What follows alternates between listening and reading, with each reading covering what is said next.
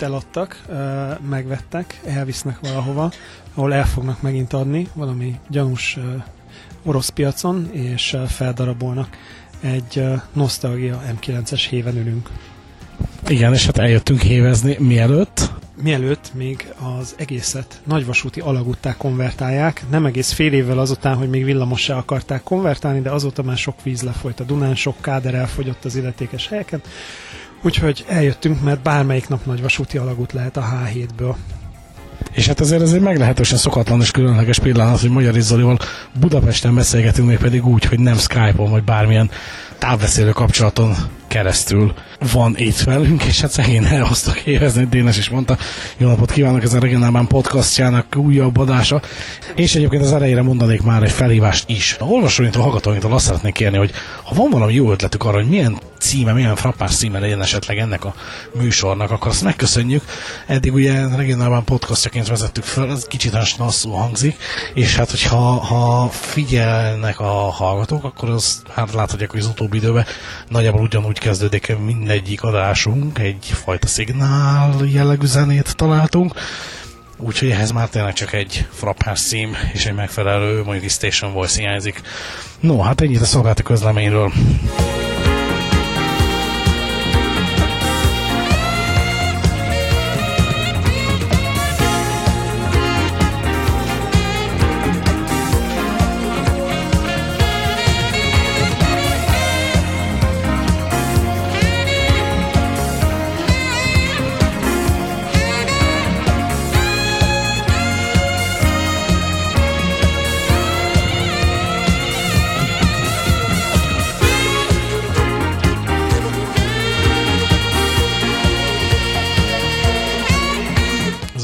A budapesti közlekedés? Most jöttél Bécsből.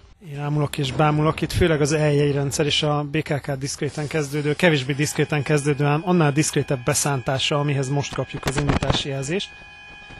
Ez engem mindig megdöbbent, hogy még mindig itt járunk, tehát ugye éppen azt mondtam a többieknek, hogy azért itt végrehajtunk egy világszámot Magyarországon, tehát az, hogy 8 év alatt a semmiből létrehozni egy közlekedés szervező irodát, és le is bontani.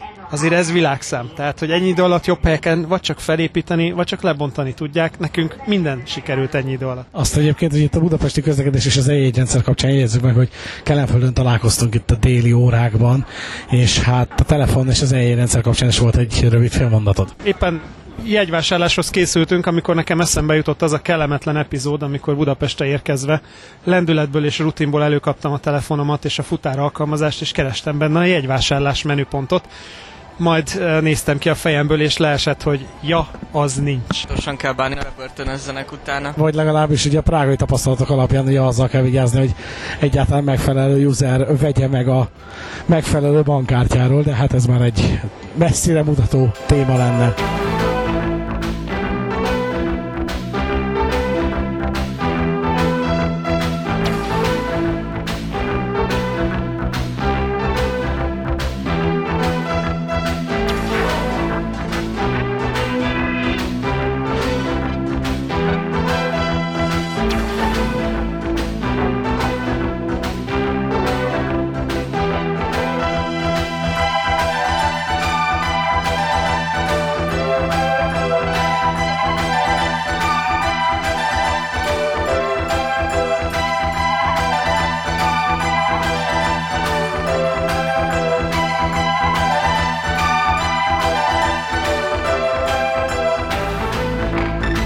Ha már a jegyekről beszélgettünk, akkor azért azt se felejtsük el, hogy alapáras nosztalgia vonat, hogyha mondhatjuk ezt.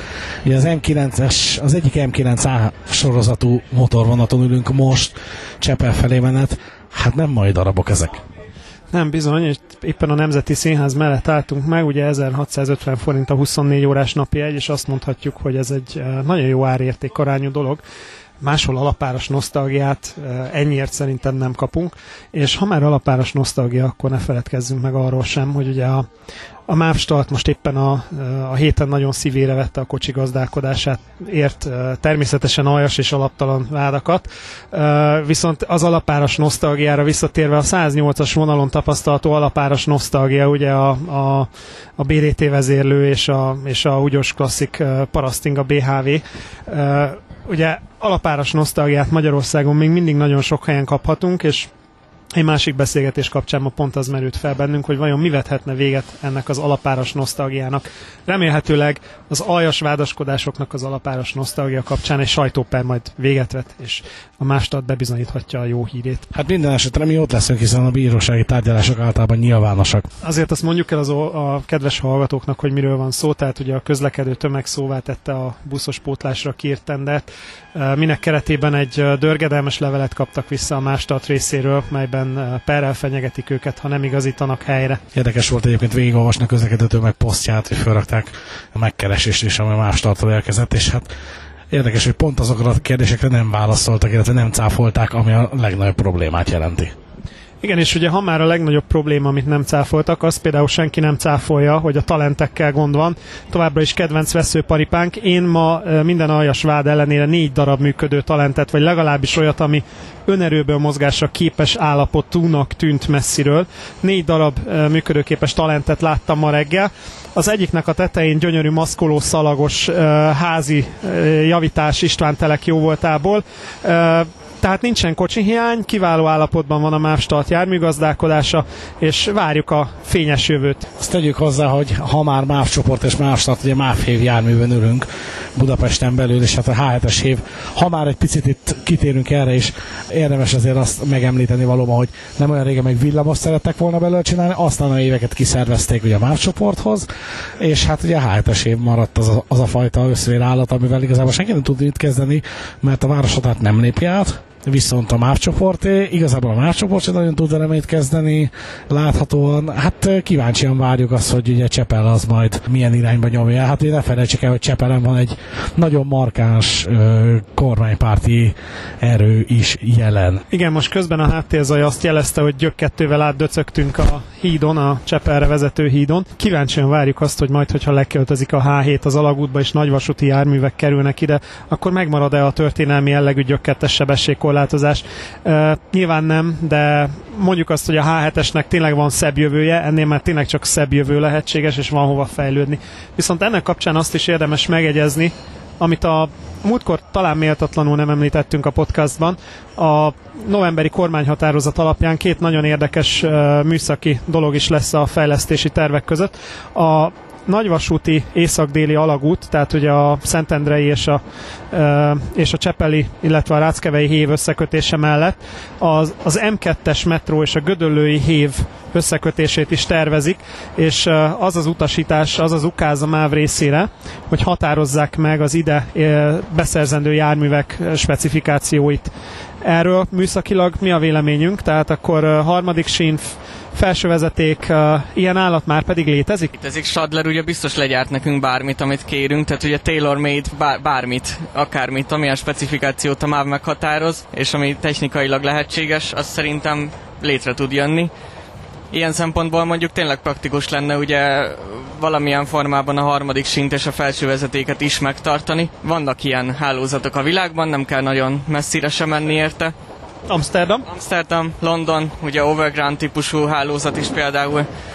Úgyhogy van bőven ilyen, nem egy akkora ördöngösség ez, csak hát azért kíváncsiak leszünk, hogy például ezt mennyire sikerül értelmesen meghatározni, illetve egy ennyire ismeretlen állatfaj tényleg Magyarországon létrehozni. Főleg annak fényében, hogy egy 40-50 évvel ezelőtt még képesek voltak egy fővárosi kiadványban nagyjából másfél-két oldalt írni arról, hogy a hívet már pedig nem lehet közelíteni a vasúthoz, mert az hív. Jó, de, de azt azért vegyük figyelembe, hogy az akkori műszaki lehetőségek nem adtak uh, erre talán teret, vagy nem tették ezt lehetővé. A mai műszaki lehetőségek egészen mások, ugye ezt a Tramtrain uh, projektek kapcsán is látjuk, uh, minden is lehetséges. Hát mondjuk azért az kérdéses, hogy a Tramtrain projektekkel mit fog kezdeni meg a magyar szabályozás, tehát igazából hogy az eddig erősen elhatárolt villamosüzem és vasútüzem az Szegeden össze fog kapcsolódni rendkívül rövid határidőn belül. Hát kérdés, hogy ott majd, majd milyen járművezetők vezethetnek, milyen jogosítvány birtokában mondjuk, mert ez azért azért ez egy komoly, komoly kihívás lesz az még a jogalkotók számára.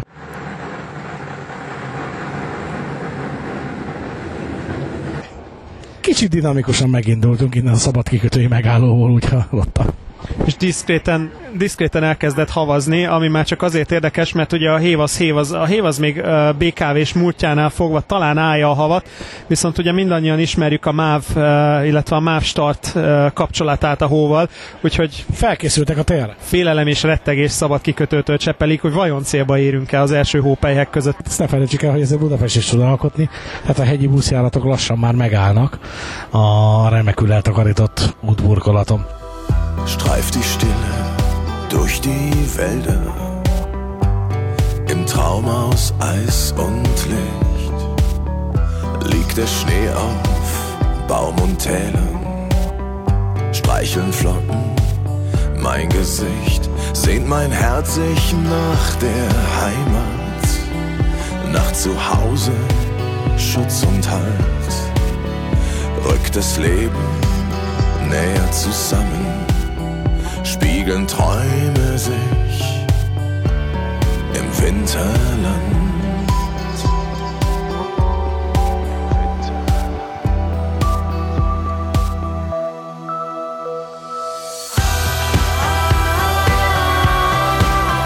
Schneit der Himmel weiße Sterne.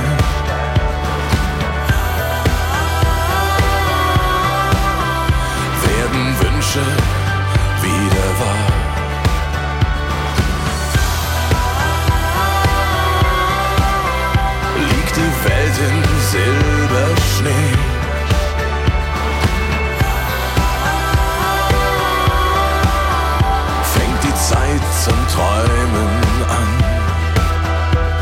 visszatérve még Budapestre, illetve maradva Budapesten, az elmúlt napok ö, nagy szenzációja volt, hogy az eljegyrendszer most lesz, nem lesz, mi lesz.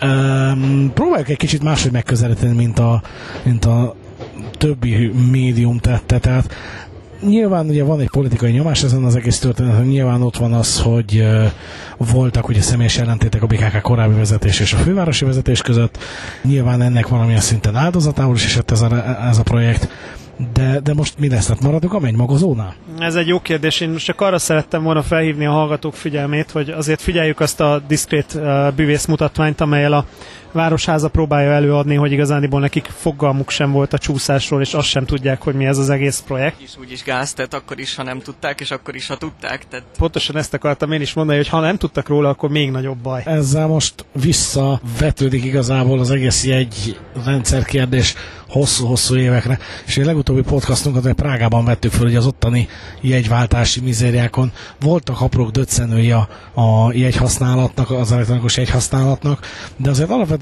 belegondolva abba, hogy itt van a zsebemben az igazolványok között a, a CD inkarta, amire föl van töltve a novemberi prágai havi bérlet, de DNS pedig ugye az applikációban vásárolt három napos, pontosabban 72, ténylegesen 72 órás napjegyet használta az ott létünk során, és úgy, hogy gyakorlatilag fémkoronával nem kellett megetetni egyetlen egy automatát, vagy pénztáros nénit sem. Még egy picit visszatérve a budapestihez, vagy hát ugye még mindig arról beszélünk, a, itt a héven ülve egy érdekes probléma is létrejött az elmúlt években ezzel kapcsolódóan, hogy azt ugye a főváros szervezni ezt az elektronikus jegyrendszert, a hévet viszont kiszervezték az államnak. Úgyhogy például egy érdekes kérdés, hogy mi lenne a hévekkel, mi lenne a volánbuszokkal. Részben ezért is nem tudott létrejönni mostanáig ez a rendszer, mert ehhez egy integrált hálózat kéne, amire jelenleg láthatólag sem akarat, sem esély nincs nagyon. Igen, és egyébként pontosan ez merült fel egy korábbi háttérbeszélgetés kapcsán, hogy a, a héven, a városhatáron kívül a hévre felszálló utasok városon belüli továbbutazása egy kifejezetten problémás dolog, ugye nem fognak valószínűleg Ráckevére peronkaput és egyebet telepíteni, ugye az idő alapú jegy is problémás lehet egy hosszú viszonylatnál, tehát nagyon nehezen fér bele a hév ebbe a mostani rendszerbe. Szerintem itt egyébként a tarifa szövetség lenne abból a szempontból a megoldás, hogy tényleg egységesnek kellene lenni a, a, a tarifának, tehát nem kellene, hogy ekkora nagy problémát okozzon a város határ átlépése. És például, hogyha Bécset nézzük, most messzebbre nem menve, ott ugye a, For, a Verkehrsverbund régión tarifa rendszerében ért, értelmezhető Bécs is, ugye? Tehát, hogyha ott veszünk egy veszünk egy, veszünk egy egyet az elővárosban, akkor tulajdonképp Bécs az csak egy, egy, egy újabb zóna, vagy egy újabb, egy újabb négyzet a térképen, de, de abszolút értékez, ért, értelmezhető a város a regionális tarifa zónában. Tehát ha mondjuk én Cegléden veszek egy, egy jegyet, akkor Budapest gyakorlatilag csak egy további zóna, de nem valamilyen speciális létesítmény. Annyiban különbözik azért egy picit a bécsi rendszer a, a tipikus, vagy hát sok helyen még ismert időalapú jegyektől, hogy ott, ha jól tudom, egyfajta időalapú jegy van, a 90 perces, éppen a két euró, nem tudom mennyi most már, mert egyre drágul mindig. Mondjuk kapunk is érte pluszt, mert már két évente bővítik a metróhálózatot, szóval azért van érte valami megtérülés. Tehát ott a, ott a klasszikus idő alapú egy rendszer, mint amit például mondjuk a legközelebbi példa, amit tudok Pozsonyból ismerünk, ahol még 15 perces így is van, Bécsben ilyen nincs. Tehát azért ezt valahogy valahogy össze kell egyeztetni ezt a zónás rendszert a, a belvárosi idő alapú jegyekkel, ahol tényleg van értelme egy 15 perces jegynek is. Ez megint egy érdekes dolog, ugye a háttérbeszélgetésekből az is kirajzolódik, hogy a Budapesti elektronikus jegyrendszer egyik fő problémája az egyik politikai igény az, hogy, hogy ne csökkenjen a jegyárbevétel, ami valahol érthető. A másik igény viszont az utasok oldaláról, illetve politikai oldalról is pedig az, hogy ne járjon senki rosszabbul, ugye? Tehát, hogy, hogy úgy tudjuk megoldani, hogy senki se fizessen kevesebbet, de többet sem. Na most ez nehéz, mert, mert ugye ha teljesen átalakítom a, a tarifarendszert, akkor biztos, hogy lesz, akinek drágulni fog, lesz, akinek olcsóbb lesz, viszont nem biztos, hogy ez a kettő ki fogja egymást oltani, tehát lehet, hogy, lehet, hogy valamivel csökkenni fog például átmenetileg a jegyárbevétel egy, egy integrált elektronikus jegyrendszer, illetve egy integrált tarifa bevezetésével. Viszont azért egy ilyen elektronikus jegyrendszer bevezetése bizonyíthatóan sok helyen bevonza az utasokat, tehát ha egyszerűbbé válik a jegyvásárlás, akkor ez a, ugyan nem rövid távon, de növekedni is fog az eladott jegyek száma, illetve a jegyváltások száma. De ugye érezzük, hogy ez egy hosszú távú dolog, tehát itt megint arról van szó, hogy politikailag felvállalható-e az, hogy mondjuk átmenetileg esetleg akár 3-4-5 éves távlatban is csökkenni fog a konkrét fillérre vett jegyárbevétel egy új tarifarendszer bevezetésénél. Aztán az, hogy hosszú távon ez hogy alakul, addigra már lesz még egy választás, vagy nem tudom.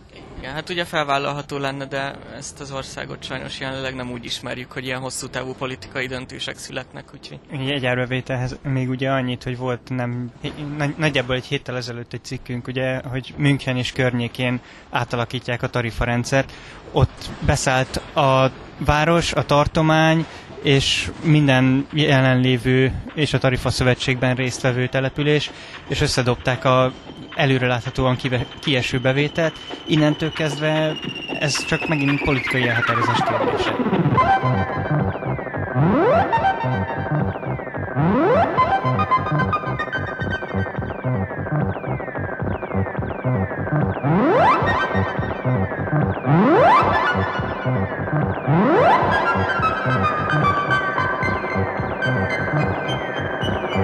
Közben becsattogtunk a Csepeli végállomásra, a kocsi szín fölött ott virít a tábla, alapítva 1887, a környezet pedig azóta sem változott túl sokat, azt mondhatjuk. Talán a szociál beton víztorony az, ami azóta ide került.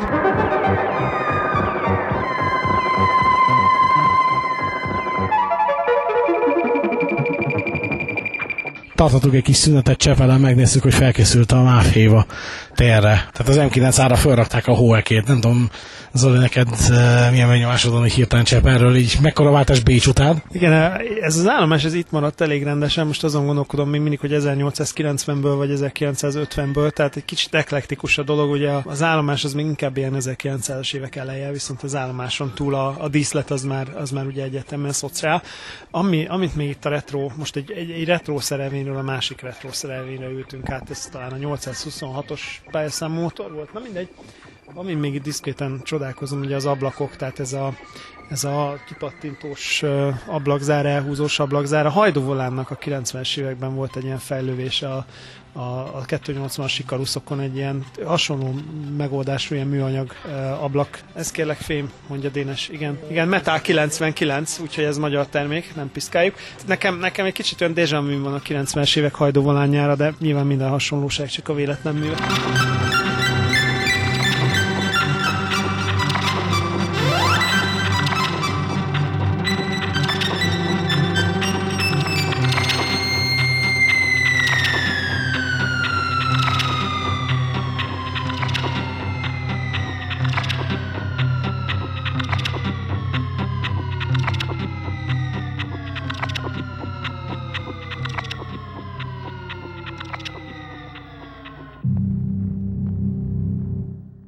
Akkor térjünk, térjünk vissza az elektronikus jegyrendszerre. Uh, még azért ebben van egy kis, kis potenciál. Uh, minden esetre ez, amit tehát elektronikus jegyrendszer azért a szögezzük le, amit itt a Csepeli forduló, forduló idő alatt tisztáztunk, tehát hogy egyik szemünk sír, de a másik viszont nevet, ugye arról van szó, hogy amikor a, a budapesti Rigó nevével fémjelzett elektronikus jegyrendszert kitalálták eredetileg, akkor ugye bevallottan is a londoni Oyster Card és az ottani rendszer szolgált mintául. Most annyi, annyi viszont történt, hogy a, az Oyster, javítsatok ki, olyan körülbelül 15 éves történet, most már lassan elég, elég régi minden esetre. Tehát az Oyster körülbelül 15 éves történet lehet úgy nagyjából, és amikor az Oyster-t létrehozták, akkor még ugye nem volt mindenkinek a zsebében egy okostelefon. Tehát ha ez a későn jövő előnye, ugye ezt a, ezt a 3G, 4G mobil hálózatokból is ismerjük, hogy akik később szálltak be, azok már ugye mások tapasztalatára, illetve a, az időközben fejlődött technikára építhetnek. Tehát itt megint egy háttérbeszélgetésre hivatkoznék, ami az elmúlt napokban történt. Abban, abban maradtunk ennek során, hogy végül is a BKK vagy a, a BKV majd megint, vagy ördög tudja kicsoda. Igazándiból annyi helyzeti előnyben lesz, hogy most már nem kell túlbonyolítani a dolgot, mindenkinek van ö, okostelefonja.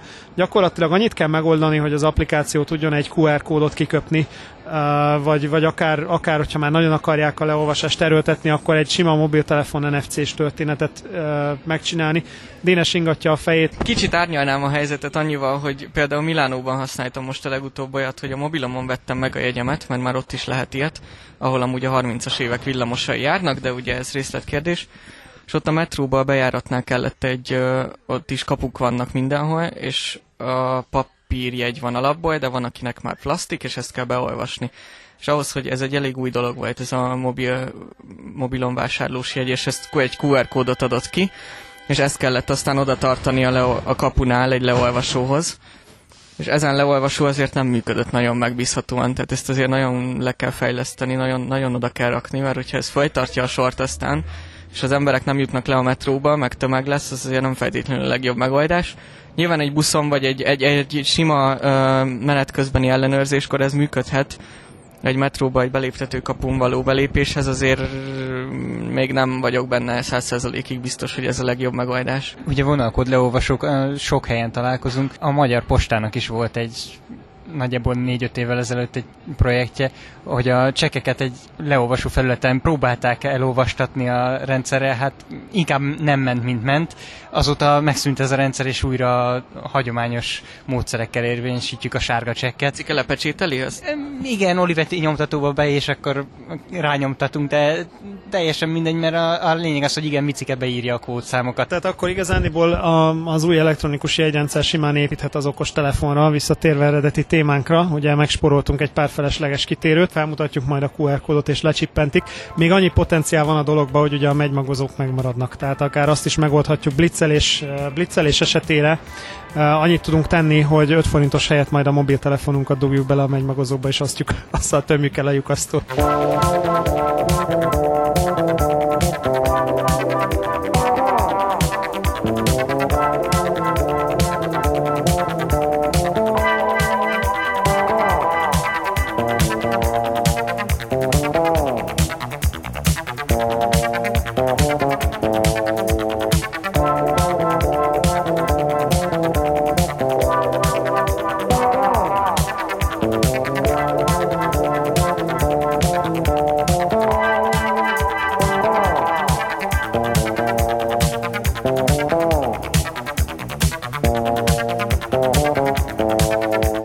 Csepeli éven ülünk, és hát most ugye gyenge irányba jövünk, úgyhogy hát ez a vonat nem igazán van tele.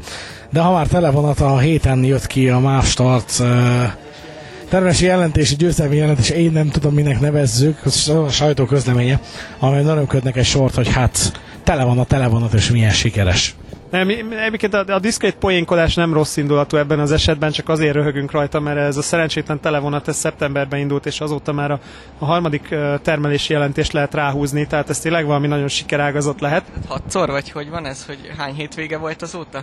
68 talán, de az a lényeg, hogy most már oda küzdötte fel magát a televonat meglepő módon, hogy már mérhető utasszám növekedést is hozott, úgyhogy 27%-kal nőtt a vasárnapi forgalomban a páratlan irányban utazók száma a 400 ülőhelyes televonatnak köszönhetően. Dénes kicsit furcsán néz, nem, ne kezdjünk el számolni, nem vettem elő a számológépet, lehet, hogy mindenki jobban jár úgy, de, de maradjunk annyiban, hogy a televonat sikeres. Ugye, ha megnézzük, itt egy kiváló árazásról van szó, gyakorlatilag legálisan 2000 forint alatt megkapjuk a Debrecen-Budapest egyirányú egyet, és Nyíregyháza sem egy sokkal fölé. Tehát ez már szerintem versenyképes a, a telekocsis megoldásokkal. És, és ennek kapcsán azon morfondíroztam, amikor írtam ugye a heti hírekbe ezt a kiváló uh, uh, etűdöt, hogy megférhet-e a yield management árazás, illetve a spársine jellegű kedvezményes ajánlat megférhet-e a szent szociális kedvezményrendszerrel. Ez lenne a tágabb kontextus. Tehát ugye itt a, a, szűkebb, a szűkebb kontextus pedig az, hogy a MÁV és a minisztérium a, a tarifákat ugye kodifikáló, tehát a jegyárakat meghatározó aktuális minisztérium között hosszú éveken keresztül ment a húzavona, hogy lehet-e kedvezményt biztosítani az interneten vásárolt jegyek után, tehát azt a, azt a megtakarítást, amit a MÁV az elektronikus jegyeken megnyer, tehát hogy ugye kevesebb pénztáros kell, illetve kevesebb papír fogy, ez ténylegesen továbbadható-e az utasok számára, ez lehet-e érvényesíteni. Ez a vita ugye hosszú évek alatt eldőlt, most már lehet, ugye 10% van az otthon nyomtatott és mobilos jegyekre, Viszont a televonat, viszont ugye a yield management árazás, tehát a, a kereslet kínálat alapú árazás, az továbbra is tabu maradt, míg a környező országokban, ugye akár Ausztriát, akár Csehországot, továbbiakat, Németországot vesszük, meg tudott honosodni a kedvezményes ajánlat. A nemzetközi forgalomban nálunk is ismert. Viszont Magyarországon először a televonat kapcsán próbálják ezt ki. Tehát, tehát ugye nevetünk itt azon, hogy a harmadik termelési jelentést írják, viszont úgy érzem, hogy itt egy nagyon fontos dologról van szó a más berkein belül is. Tehát könnyen el tudom képzelni, hogy ezt a, ezt a sajtóközleményt most házon belül is sokan lobogtatják, hogy lám, meg lehet csinálni belföldi viszonylatban is a kedvezményes árazást, hogy, hogy erről mit gondolunk, hogy ez, ez létezhet ez az irány, van ennek létjogosultsága, tud-e ez együtt létezni például a mostani nagyon tág kedvezményrendszerrel, és ugye itt csak annyit dobnék be ilyen kis színes tényként, hogy az utasoknak kevesebb, mint az egy ötöde vásárolt teljes árujegye. Közben, közben itt színes etűtként a H7-es elérte a Budapest felé tartó lejtőt Cseperről kifelé, úgyhogy a félelem és rettegés lett úrá a fedélzeten. Átléptük a bűvös 40 km per órás sebességet. Adorján kolléga pedig fényképet próbált készíteni, ám a sebességtől még ez is elmosódott. Vagy lehet, hogy csak azért, mert szitál a vonat. Mint a MÁV-nak a fontja, hogy az is ugye dől a sebességtől, tudjuk, ugye? Visszatérve még itt ugye a televonat kapcsán, tehát van-e létjogosultsága ezeknek a fajta, hogy, hogy mondjam, magyarul vonathoz kötött meg igényekhez igazodó jegyárazásnak? Szerintetek Magyarországon ennek lehet bármilyen módja bővíteni a jövőben? Abszolút, tehát minden, mindenképpen, jövője mindenképpen van ennek a témának szerintem, és, és egyértelműen látszik, hogy a nemzetközi trendek ezt diktálják, tehát mindenhol ez kezd bejönni, mindenhol ez lesz az abszolút uralkodó. És ez, ez főleg azért van, mert ugye ez azt a problémát próbálja megoldani, hogy a ütemes menetrendben mindig lesznek vonatok, amik üresek. Az ütemes menetrend viszont kell ahhoz, hogy egy kiszámítható közlekedés legyen, és ezeket az üres vonatokat próbáljuk megtölteni, illetve a, a nagyon tele vonatokat próbáljuk, nem azokat a tele vonatokat, hanem a tele, teli levő vonatokat, próbáljuk egy picit lebeszélni róla az embereket, hogy inkább mégse azzal menjenek, ha nekik nem muszáj. Ez ugye a vasútnak is jó, mert egy sokkal, uh, sokkal átlagosabb, sokkal jobb eloszlása lesz az utasoknak így a, a vonatok között a nap folyamán, és az utasoknak is jó, mert, mert hogyha nekik van lehetőségük, akkor mehetnek egy üresebb vonattal adott esetben korábban délután haza, vagy, vagy kicsit később a munkába, vagy ez legyen szó akár ilyenről, legyen szó akár távolsági forgalomról és így ugye akár spórolhatnak is. Tehát ennek abszolút van jövője. Ugye itt a kérdés, amit Zoli is mondott, ez a, a szociális támogatás és szociális jegyek rendszerébe ezt hogy lehet integrálni hogy legyen egy alapjegy, amiből aztán a kedvezményt adják, és emellett legyenek az úgynevezett spársíne jellegű jegyek,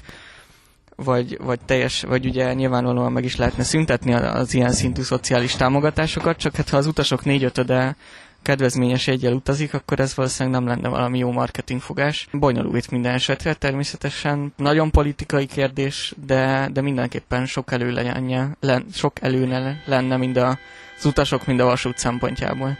Azt egyébként ne felejtsük el, hogy ebben azért már tettünk egy apró lépést Magyarországon is, tehát annyira nem ismert fogalom, de sokak számára azért már ismerős lehet a kukacos vonatok a menetrendben. Ugye a most búcsúzó menetrendi szezonban vezették be ezeket a vonatokat, csatlakozza az elektronikus jegyértékesítési csatorna bővítéséhez. A kevésbé kihasznált járatokra az egyéb kedvezmények mellett, illetve az értékesítési csatornához kapcsolódó kedvezmény mellett ad még 20% kedvezményt a jegyárból. És amit, amit Dénes mondott, az szerintem nagyon fontos, tehát a forgalmi csúcsoknak a szétterítése, hogy a csúcsidei vonatokon tényleg az utazon, akinek valamiért szükséges, vagy hajlandó ennek a hozzáférési költségét megfizetni.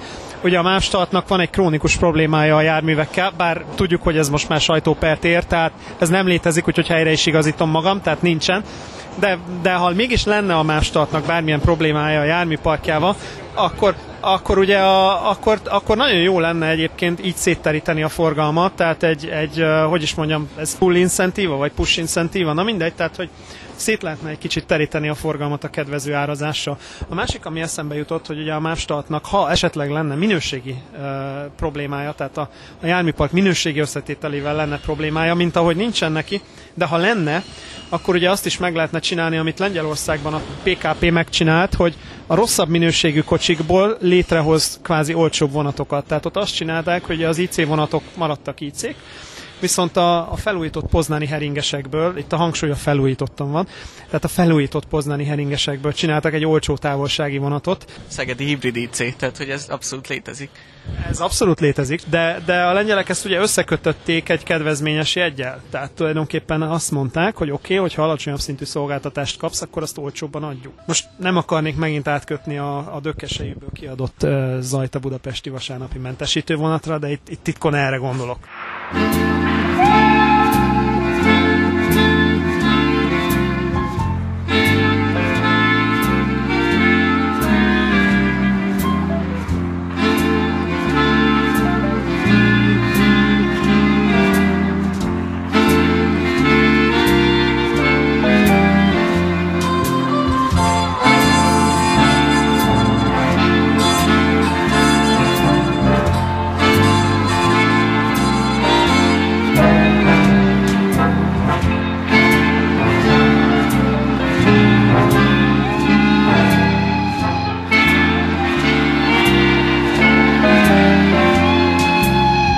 Kedves hallgatóink, a most elhangzott beszélgetést december elején rögzítettük.